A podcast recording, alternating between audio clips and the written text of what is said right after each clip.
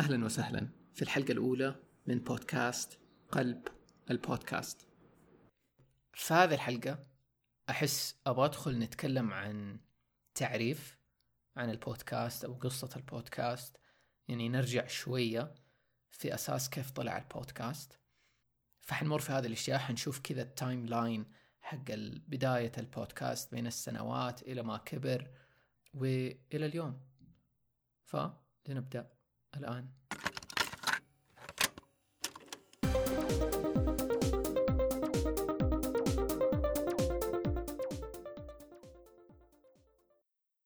طيب لما نيجي نتكلم عن البودكاست بداية بداية البودكاست لأنه في ناس كثير عرفت البودكاست في آخر سنوات. آه في ناس عرفت البودكاست من آبل بس البودكاست أقدم من كذا كثير. والبودكاست يعتبر من الأشياء اللي بدأت بفكرة صغيرة بعدين جاء أحد أخذها وكمل عليها بعدين جاء أحد ثالث أخذها وكمل وطور وحسن عليها. ففي ناس كثير لعبوا دور كبير في صناعة البودكاست. هو حرفيا يشبه صناعة الإنترنت كيف بدأ. ما تقدر ترجع ل مثلا شخص واحد وتقول هذا اللي كان له الدور الأساسي في صناعة البودكاست. هي فكرة ورا فكرة أحد أخذها طورها حسنها.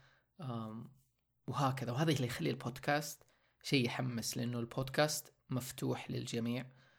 ما في أحد يتحكم فيه. وهو منصة حرة. هو جاء خلق بديل للراديو حرفيا. فخلينا نجي. أنا حاولت أبحث شوية أنه أفهم يعني من فين ال roots أو من فين الجذور اللي بدأ منها البودكاست. الشيء الأساسي اللي لقيته إنه بداية تطوير الفكرة جاء من شخصين واحد اسمه آدم كاري والثاني اسمه ديف واينر. هذول الاثنين واحد منهم كان مرة متضايق يعني كلهم لهم خلفية في التكنولوجيا على ما أتوقع. واحد منهم كان متضايق من موضوع إنه بيفوت برامج الراديو اللي هو يحبها وإنه لازم يحط وقت معين عشان يسمع البرنامج اللي يحبه وما يقدر يسمعه بعدين وهكذا. فكانت الفكرة اللي عنده هذا آدم الفكرة اللي عنده إنه ليش ما يكون في تقنية على الإنترنت تكون فيها البرامج هذه تقدر تحمل برنامج الراديو اللي أنت تحبه وتسمعه في الوقت اللي تبغاه. و... وديف واينر كان كان هو الشخص التقني اللي ممكن ينفذ هذه الفكرة.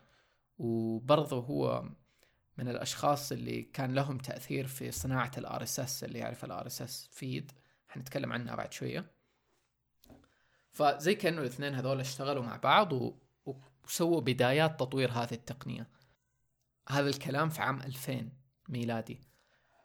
فالشيء الأساسي اللي صار إنه ديف واينر حاول يدمج تقنية ال RSS. هي كيف كانت تستعمل؟ لو أي أحد منكم يتذكر هذا الموضوع.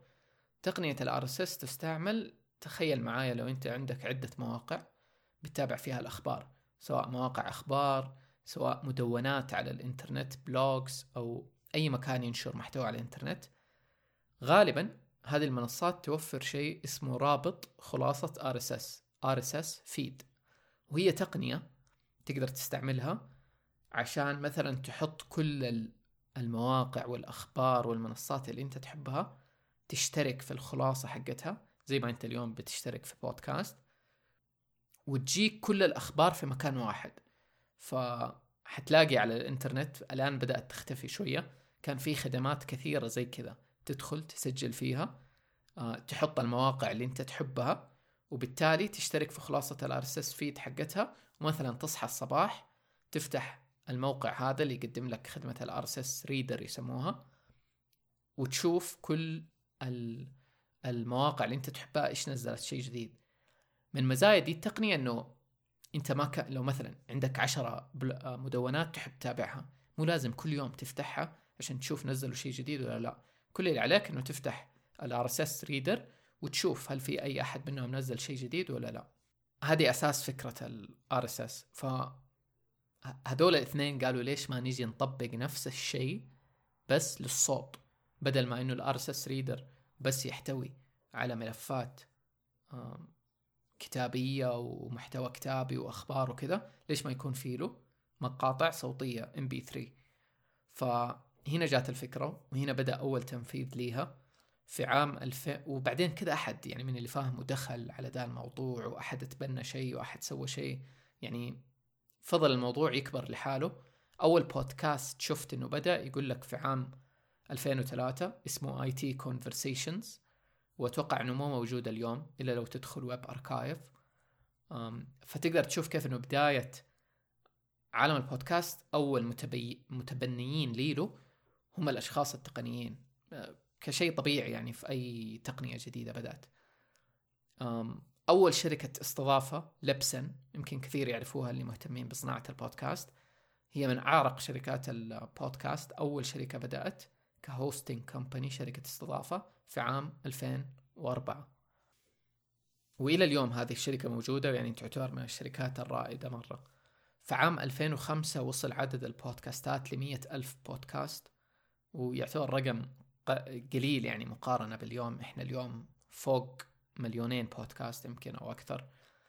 أم في عام 2005 صار حدث مرة مهم واللي هو إنه آبل لأول مرة دعمت البودكاست في في ال iPod وفي iTunes. وطلع كده يعني تلاقوا الفيديو اليوم في يوتيوب ستيف جوبز طلع في واحد من ال keynotes وتكلم وقال إنه دحين إحنا ندعم البودكاست وإنه بديل للراديو وكذا. فهذه يعني كان لها أثر حقيقي في إنه الناس تبدأ تتعرف على البودكاست. و Apple هنا سمته بودكاست. كثير قالوا إنه الكلمة جاية من broadcast واللي هو إنك تبث broadcast بث و iPod فدمج الكلمتين بودكاست بس في من اللي فاهمه أنا ماني متأكد هل Apple من جد هي أول أحد طلع ذا المصطلح ولا في أحد استعمله قبل؟ فمو واضح أحس الموضوع مرة وعلى الأقل أنا ما بحثت كفاية. بس من هنا بدأ الناس تعرف البودكاست. يعني طبيعي Apple لما تبنت شيء زي كذا شركة كبيرة الناس بدأوا يعرفوا البودكاست أكثر. طيب هذا كان يمكن أول حدث بس هذا يعني لسه البودكاست ما انتشر بدا الحجم ناس كثير ما كانوا يعرفوه في 2005 أنا لسه ما كنت أعرفه. أنا تحديدا عرفت البودكاست في 2009 وهذه السنة برضو من السنوات اللي الناس يشوفوا إنه كان لها أثر مرة كبير لأنه مع تطور التقنية صار عندنا هواتف ذكية متصلة بالإنترنت فصار نقدر إنه نحمل البودكاست مباشرة من الإنترنت بدون ما يكون في حاجة إنك مثلا تشبك ال iPod على iTunes أو على الكمبيوتر وتحمل الحلقة وبعدين تحطها على الجوال وبعدين تسمعها.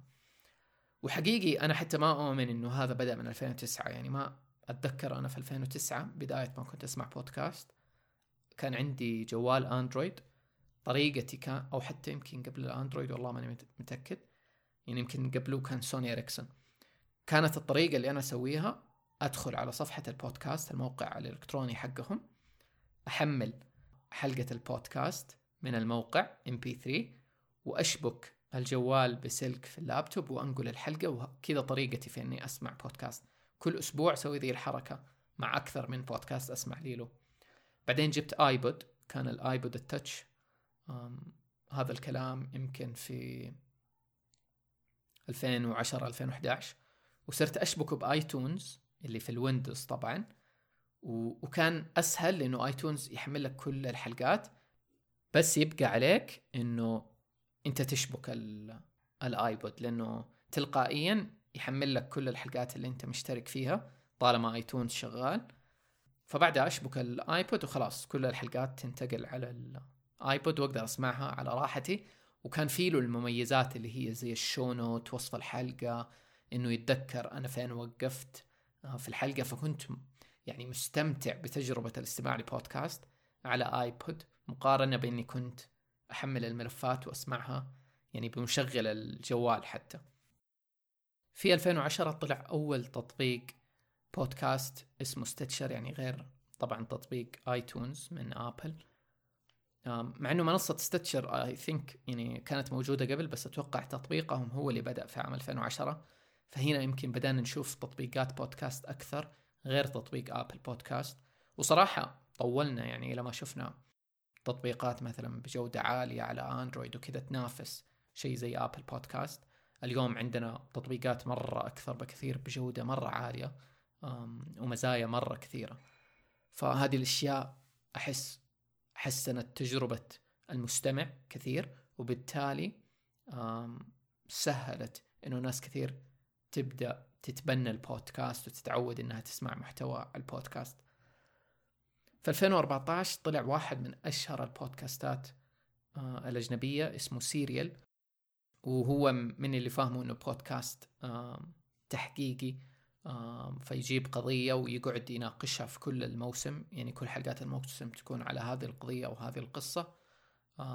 هذا البودكاست كان له أثر مرة كبير في إنه تزيد نسبة المستمعين لبرامج البودكاست بشكل مرة كبير. آه، وأحس إحنا جاتنا الموجة هذه في العالم العربي بشكل كبير بعدها بأربع سنوات يمكن في عام 2018 وممكن في المستقبل في حلقات ثانية حنتكلم عن تاريخ البودكاست العربي بشكل عام ونموه. فهذه يعني أتوقع آخر نقطة محورية كانت في timeline البودكاست ومن هنا يعني الانطلاقة كانت مرة كبيرة. من اللي شايفه من كل أحد شايفه اليوم إنه البودكاست صناعة سريعة في النمو وما هي قاعدة تبين أي علامات تباطؤ بالعكس التقنية بتتطور. صرنا نشوف بودكاست بالفيديو والصوت صرنا نشوف ناس أكثر تسمع بودكاست. الأرقام ما يعني تتدبل بسرعة مرة كبيرة. فما أتوقع إنه حنشوف تباطؤ في في الفترة الجاية في عدد متبنيين البودكاست كتقنية بالعكس يعني كل ما قاعدين الناس بيسمعوا أكثر البودكاست ويعرفوا عنه أكثر كل ما بنشوف برامج أكثر قاعدة تطلع كل ما بنشوف ناس أكثر قاعدين يعرفوا عن البودكاست حتى من أعمار مختلفة. فأتوقع البودكاست حينمو. ممكن حنشوف جودة أعلى حتى في البرامج اللي حتصير بتطلع. كبرامج بودكاست. أتوقع التقنية كمان حتتطور أكثر. والشيء الحلو مرة ثانية في البودكاست إنه ما حد اليوم يتحكم فيه. ف البودكاست زي ما قلنا هو تقني ما تقدر تيجي تقول مثلا Apple Podcast تملك برامج البودكاست. هي بس تملك المنصة عكس يوتيوب. مثلا نقدر نيجي نقول يوتيوب يملك الفيديوهات الموجودة فلو هو يحذف فيديو يقدر يحذفه. بس بالنسبة لتقنية البودكاست عشان نفهمها من ناحية خلاصة ال RSS هو كل حلقاتك موجودة في مستضيف البودكاست حقك فهو اللي يقدر يتحكم خلينا نقول. بس آبل بودكاست جوجل بودكاست غيرهم ما يقدروا يتحكموا ممكن يحجبوا بودكاستك من منصتهم ممكن يشيلوه بس حيفضل بودكاستك موجود على بقية المنصات. حيفضل موجود لأي شخص عنده أي تطبيق بودكاست يقدر يحمل البودكاست من خلاصة ال RSS فلو أبى أشرحها بشكل مرة بسيط إيش هي خلاصة ال RSS feed بالنسبة للبودكاست؟ هي رابط. الرابط هذا يشير لاستضافة البودكاست حقك. وفي في الرابط هذا في كل معلومات البودكاست. في له اسم البودكاست في له وصف البودكاست في له رابط غلاف صورة البودكاست في له جميع حلقات البودكاست. فكل تطبيقات البودكاست اللي اليوم هي اللي قاعدة تسويه إنها بتقرأ أو بتسمع البودكاست من رابط خلاصة الارسس هذا. فصراحة يحمس اللي اللي بيصير في البودكاست وفي التقنية هذه وكيف بتنمو اليوم. شيء ثاني مثير إنه كيف الر... يعني البودكاست جاء اليوم عشان يحل بعض من مشاكل الراديو آه التحكم اللي موجود على الراديو. أنت لو عندك فكرة برنامج قناة الراديو ما اقتنعت بيها ممكن برنامجك ما يكون موجود. اليوم أي شخص من بيته بأبسط تقنيات يقدر يسوي بودكاست وينشره لكل العالم على الإنترنت. أم ونقدر نلاحظ التشابه في كيف إنه الراديو مجاني ويبث من مثلا أبراج أو غيره. البودكاست نفس الشيء البودكاست مجاني ويبث عن طريق الإنترنت من مكان واحد من مصدر واحد اللي هو استضافة البودكاست أو خلاصة ال RSS وحتى هذا يجي من شكل لو تشوفوا أيقونة Apple Podcast وهي مشهورة علامة البودكاست هذه. هي جاية من نفس شكل البرج اللي يبث. لكن الفرق في هذه التقنية إنها أسهل بكثير و... وإنه وإنها تقدم تجربة أفضل بكثير للمستمع وحتى للمنتج يعني الاثنين مع بعض. وما أتوقع صراحة إنه الراديو حيختفي في يوم لسه حيفضل موجود وحيفضل له جمهوره والناس اللي تهتم فيه. لكن بكل تأكيد البودكاست اليوم هو اللي ممكن يأثر على الراديو وعلى شكل كيف بنشوف الراديو. وحتى حنشوف برامج راديو كثير ممكن